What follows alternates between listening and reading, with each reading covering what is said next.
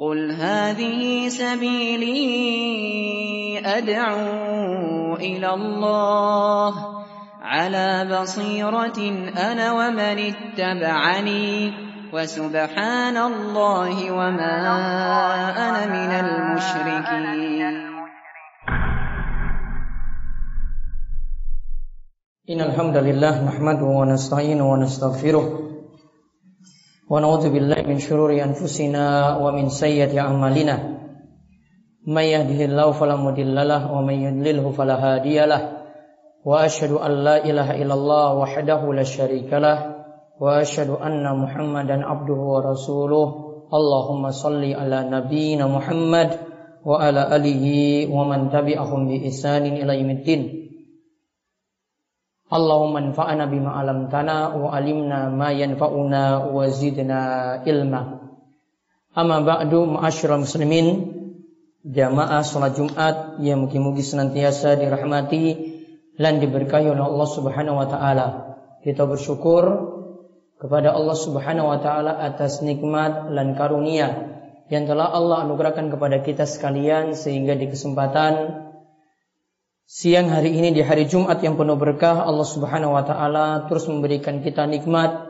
Kita masih diberikan nikmat harta, kita masih diberikan nikmat umur panjang, juga Allah Subhanahu wa taala memberikan kita nikmat kesehatan sehingga kita bisa memenuhi salah satu kewajiban kita yaitu melakukan sholat Jumat secara berjamaah. Dan Allah Subhanahu wa taala memerintahkan kepada kita untuk mensyukuri nikmat-nikmat yang ada dan di antara bentuk syukur kita kepada Allah yaitu menjalankan kewajiban dan menjauhi setiap larangan Allah Subhanahu wa taala yang kita wujudkan dalam takwa. Di mana Allah Subhanahu wa taala berfirman, "Ya ayyuhalladzina amanu taqullaha haqqa tuqatih wa la tamutunna illa wa antum muslimun." Wahai orang yang beriman, bertakwalah kepada Allah Subhanahu wa taala dengan sebenar-benarnya takwa dan janganlah kalian itu mati kecuali kalian dalam keadaan menjadi seorang muslim. Kemudian salawat dan salam semoga tercurahkan kepada suri tauladan kita Nabi akhir zaman yang memberikan kita contoh-contoh yang baik, yang memberikan kita kesantunan yang baik, yang memberikan kita juga contoh alak-alak yang mulia lanuhur yaitu Nabi besar kita Muhammad sallallahu alaihi wasallam. Semoga juga salawat dan salam tercurah kepada para istri beliau yang tercinta ummahatul mukminin, juga kepada khulafaur rasyidin Abu Bakar, Umar, Utsman dan Ali, juga kepada para sahabat yang telah berjuang bersama beliau dan setiap orang yang telah mengikuti jejak mereka dengan baik hingga akhir zaman. Ma'asyiral muslimin rahimani wa rahimakumullah. Di dalam Al-Qur'an kita kenal beberapa nabi yang mulia ada di situ Nabi Ulul Azmi dan juga di situ ada nabi-nabi yang bisa kita ambil suri tauladan yang terbaik dari mereka-mereka tadi. Di antara nabi yang ada yaitu ada yang kita kenal dengan Nabi Ayub alaihi salam. Nabi Ayub alaihissalam yang merupakan keturunan dari Nabi Ishak di atasnya itu Nabi Ibrahim alaihissalam dan juga dari sisi ibunya Nabi Ayub itu berasal dari keturunan Nabi Lut alaihissalam. Berasal dari keturunan Nabi Lut alaihissalam. Nabi Ayub ini dikenal awalnya itu adalah seorang yang kaya raya. Dia punya harta yang begitu banyak. Punya peternakan sapi, unta, dan kambing yang sangat-sangat banyaknya. Sampai-sampai di masa beliau itu tidak ada orang yang punya ternak dan kekayaan yang lebih banyak daripada Nabi Ayub alaihissalam. Juga beliau itu memiliki budak, memiliki lahan-lahan pertanian yang lainnya juga yang melimpah ruah sampai dikaruniakan juga istri dan juga anak-anak yang begitu banyak dari anak-anak laki-laki dan perempuan. Nabi Ayub dikenal sebagai orang yang sangat baik, orang yang bir, orang yang sangat-sangat baik Kemudian dia dikenal begitu bertakwa kepada Allah Subhanahu wa taala dan juga dia dikenal sebagai orang yang menyayangi orang-orang miskin. Dia juga rajin menyantuni anak yatim, rajin menyantuni juga para janda dan juga para duafa. Namun dalam kisah beliau Beliau ketika itu mendapatkan cobaan yang begitu berat yang menimpa hartanya, menimpa anaknya dan juga bahkan menimpa badannya. Beliau menderita sebuah penyakit yang seluruh badannya nampak dari luar itu semuanya rusak. Kecuali yang selamat itu cuma lisannya dan juga apa anggota organ tubuh, organ-organ tubuh yang ada di dalam badannya. Namun yang tampak dari luar, dari luar beliau itu punya penyakit kulit yang membuat orang-orang itu menjauh dari Nabi Ayub alaihissalam. Allah Subhanahu wa taala menyebutkan tentang ujian yang menimpa Nabi Ayub alaihissalam disebutkan dalam surat Al-Anbiya ayat 83 sampai 84. Allah berfirman, "Wa ayyuba isnada rabbahu anni massaniyad dur wa anta arhamur rahimin." Dan ingatlah ketika Nabi Ayub alaihissalam itu nada memanggil Allah Subhanahu wa taala, menyeru Allah Subhanahu wa taala, "Anni massaniyad dur." aku ini telah ditimpa ujian yang besar. Wa anta arhamur rahimin. Dan engkau ya Allah, engkau benar-benar itu maha pengasih. Fastajabna lahu fakashafna ma bihi min dur wa atainahu ahlahu wa mislahum ma'ahum rahmatan min indina wa dzikra lil abidin. Dan kami akhirnya yaitu Allah memperkenankan apa yang dipanjatkan oleh Nabi Ayub alaihissalam doanya itu dikabulkan. Yaitu dia diselamatkan dari musibah tadi yang menimpa dirinya dan dia digantikan lagi, dia diberikan ganti dengan keluarga yaitu istri dan yang lainnya yang semisal dengan apa yang dia dapatkan sebelumnya. Ini sebagai rahmat di sisi Allah dan juga sebagai bentuk peringatan bagi semua yang benar-benar menjadi hamba Allah Subhanahu wa taala. Ma'asyiral muslimin rahimani wa rahimakumullah. Apa yang terjadi ketika Nabi Ayub alaihissalam itu hartanya ludes habis, kemudian orang-orang itu pada menjauhi dirinya dan badannya pun tidak disukai oleh orang-orang. Apa yang terjadi pada Nabi Ayub alaihissalam ketika itu dia digoda oleh setan. Digoda oleh setan bahwasanya harta-hartanya itu sudah hancur lebur, sudah dibakar dengan api. Sekarang apa yang diperbuat oleh Nabi Ayub alaihissalam? Maka ketika itu Nabi Ayub itu mengatakan, Alhamdulillahilladzi huwa a'taha wa huwa akhadhaha.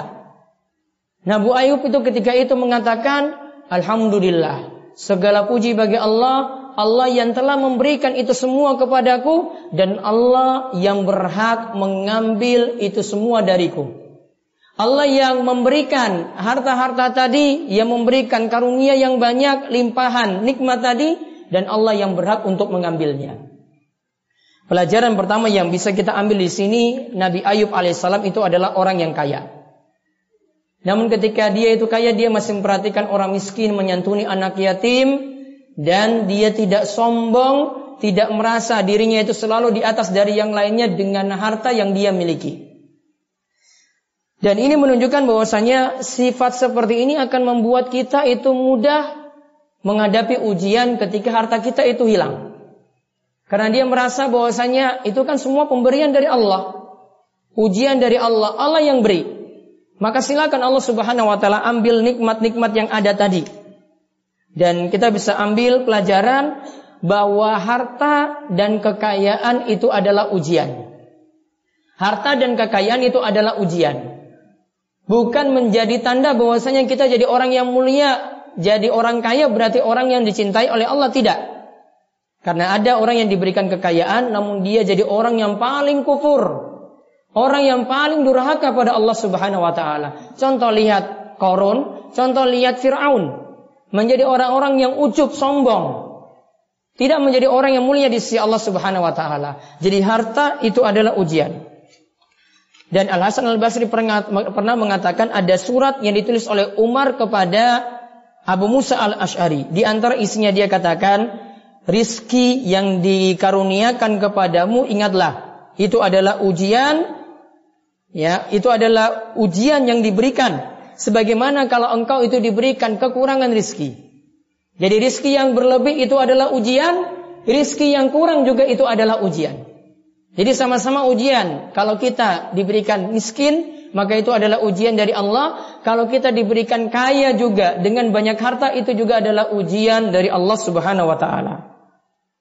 Dan ingat pula bahwasanya tadi semua itu adalah titipan. Harta itu adalah titipan.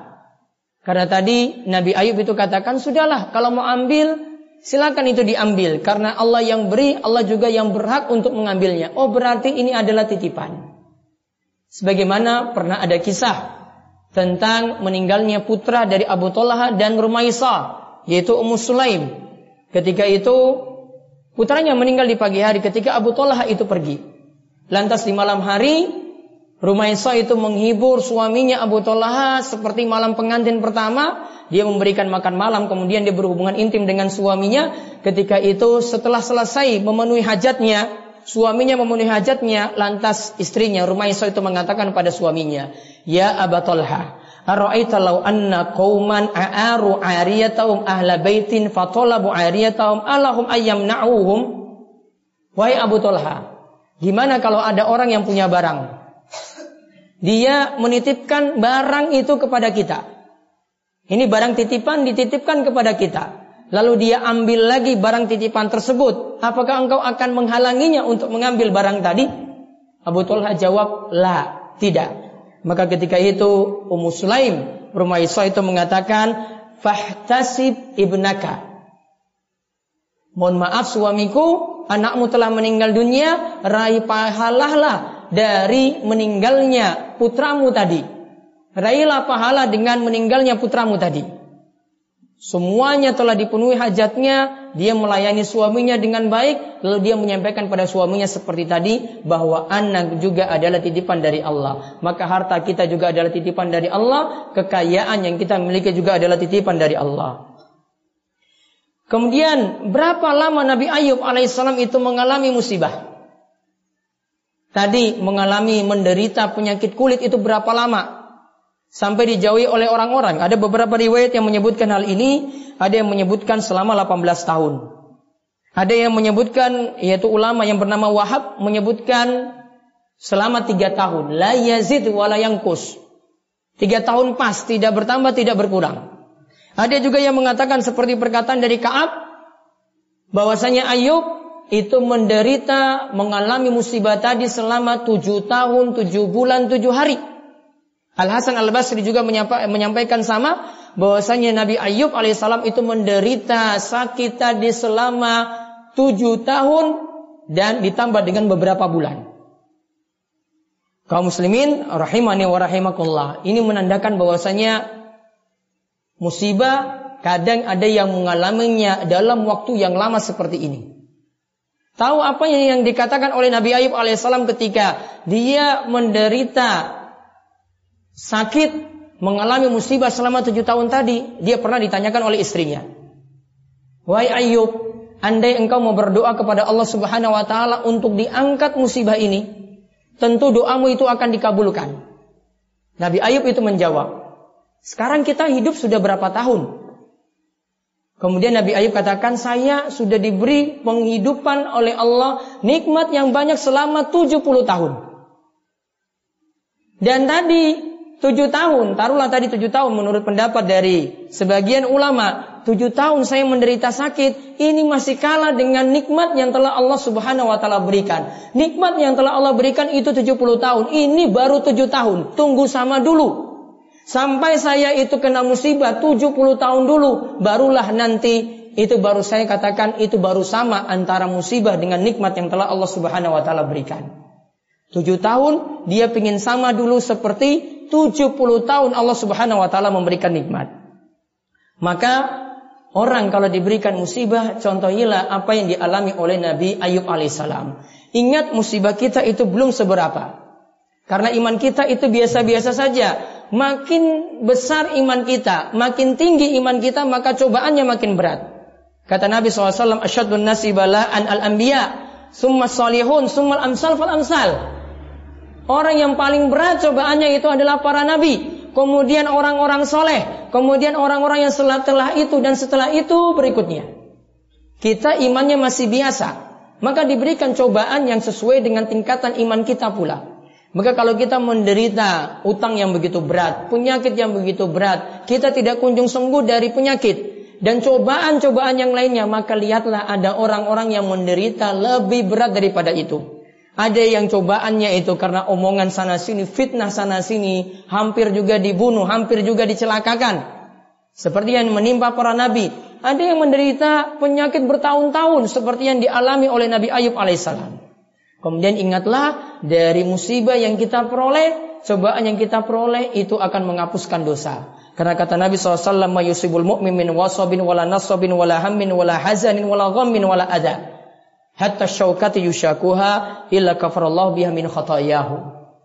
Tidaklah seorang mukmin itu menderita sakit yang terus-menerus, merasakan capek atau dia penuh rasa khawatir atau dia mendapatkan kesedihan, atau dia mendapatkan kesusahan hati, atau sampai ada duri paku yang menusuk kakinya, maka itu akan menghapuskan dosa-dosa yang telah dia miliki, yang telah dia itu lakukan. Maka kesimpulannya dalam hadis tadi, hadis riwayat Bukhari dan Muslim, dengan musibah, cobaan, penyakit yang kita derita, itu akan menggugurkan setiap dosa-dosa kita yang ada. Demikian khutbah pertama ini mungkin-mungkin Allah Subhanahu wa taala memberikan kita taufik dan hidayah untuk selalu sabar dalam menghadapi musibah. Kita diangkat dari musibah-musibah yang ada dan juga kita diberikan kesabaran dengan sabar yang tiada batasnya dan Allah membalas kita dengan diampuni dosa-dosa kita yang ada. Aku liqouli hadza wastaghfirullah li wa lakum wa muslimin innahu was-sami'ul alim.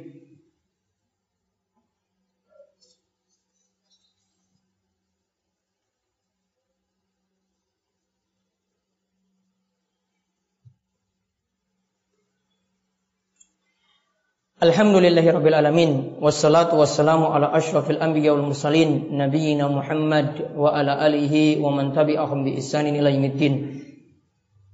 Amma ba'du kaum muslimin salat Jumat jamaah salat Jumat yang mungkin-mungkin senantiasa dirahmati oleh Allah Subhanahu wa taala.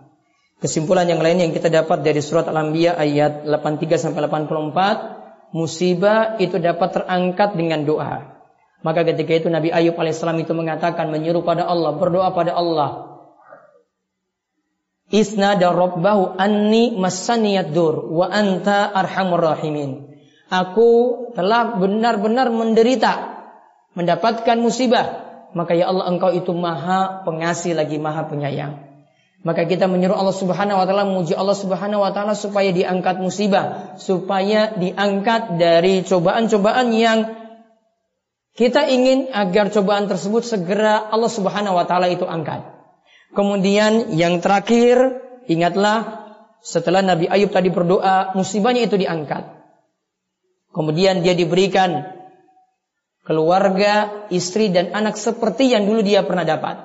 Disebutkan bahwasanya Nabi Ayub itu punya seorang istri yang namanya Laya dan dia memiliki keturunan sampai kalau tidak salah 26 atau 36 putra dan putri yang dia itu miliki.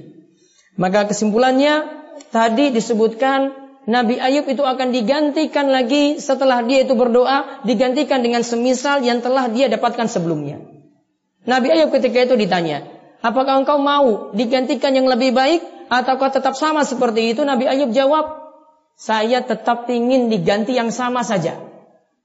Sisanya biar jadi pahala atau simpanan bagiku di akhirat. Saya ingin dibagi yang sama saja, diganti dengan yang sama. Kalau anak diberikan segitu, istri yang ada yang itu, maka diganti semisal itu pula. Maka ini yang dinyatakan uh, oleh para ulama dan ini menunjukkan bahwasanya kita mesti yakin bahwasanya dari setiap musibah Allah Subhanahu wa taala akan ganti dengan yang lebih baik atau minimal itu akan diganti dengan yang sama. Maka kalau orang itu dapat musibah hendaklah dia itu mengucapkan innalillahi wa inna ilaihi rajiun. Allahumma ajurni fi musibati wa khlif li khairan minha. Ya Allah, segala sesuatu milik Allah. Dan segala sesuatu itu akan kembali kepada Allah. Allahumma ajurni, ya Allah berikanlah pahala terhadap musibah yang aku itu derita dan gantilah dengan yang lebih baik. Ummu Salamah pernah mengucapkan doa semacam tadi. Dia mengucapkan itu ketika suaminya Abu Salamah itu meninggal dunia. Dia mengucapkan saat itu karena diajarkan oleh Nabi SAW. dia mengucapkan inna lillahi wa inna ilahi rajiun. Allahumma ajurni fi musibati wa akhlif li khairan minha. Lantas dia mendapatkan ganti dengan suami. Mendapatkan suami yang baru. Dulu di suaminya adalah Abu Salamah. Kemudian digantikan suaminya adalah dengan pengganti yang lebih baik yaitu mendapatkan Nabi kita Muhammad sallallahu alaihi wasallam sehingga Ummu Salamah itu menikah dengan Nabi sallallahu alaihi wasallam. Kaum muslimin Inilah pelajaran-pelajaran penting dari Nabi Ayub alaihissalam. Mungkin-mungkin kita digolongkan menjadi orang-orang yang sabar, bisa mencontoh Nabi kita Muhammad, bisa mencontoh para nabi yang lainnya, dan Allah segera mengangkat musibah-musibah yang menderit, yang menimpa kita sekalian. Di akhir khutbah ini kami ingatkan untuk bersalawat pada Nabi karena siapa yang bersalawat kepada beliau akan diberikan rahmat dibalas salawatnya sebanyak 10 kali. Allah wa malaikatahu yusalluna 'alan nabi. Ya ayyuhalladzina amanu sallu alaihi wa sallimu taslima. Allahumma salli ala Muhammad wa ala ali Muhammad kama shallaita ala Ibrahim wa ala ali Ibrahim innaka Hamidum Majid. Allahumma barik ala Muhammad wa ala ali Muhammad kama barakta ala Ibrahim wa ala ali Ibrahim innaka Hamidum Majid Marilah kita panjatkan doa pada Allah. Moga-moga di hari Jumat di mana doa-doa kita diperkenankan, Allah mengabulkan segala doa-doa kita. اللهم اغفر للمسلمين والمسلمات والمؤمنين والمؤمنات الأحياء منهم والأموات إنك سميع قريب مجيب الدعوات اللهم ألف بين قلوبنا وأصلح ذات بيننا واهدنا سبل السلام ونجينا من الظلمات إلى النور وجنبنا الفواحش ما ظهر منها وما بطن وبارك لنا في أسماعنا وأبصارنا absarina wa qulubina wa azwajina wa dzurriyyatina wa tub alaina innaka antat tawwabur rahim. وجعلنا شاكرين لنعمك مسنين بعليك قابلين لها واتمها علينا. ربنا لا تزغ قلوبنا بعد إذ هديتنا وهب لنا من لدنك رحمة إنك أنت الوهاب. ربنا هب لنا من أزواجنا وذريتنا قرة أعين وجعلنا للمتقين إماما. ربنا آتنا في الدنيا حسنة وفي الآخرة حسنة وقنا عذاب النار. وصلى الله على نبينا محمد. wa ala alihi wasahbihi ajmain walhamdulillahi rabbil alamin aqimus shalah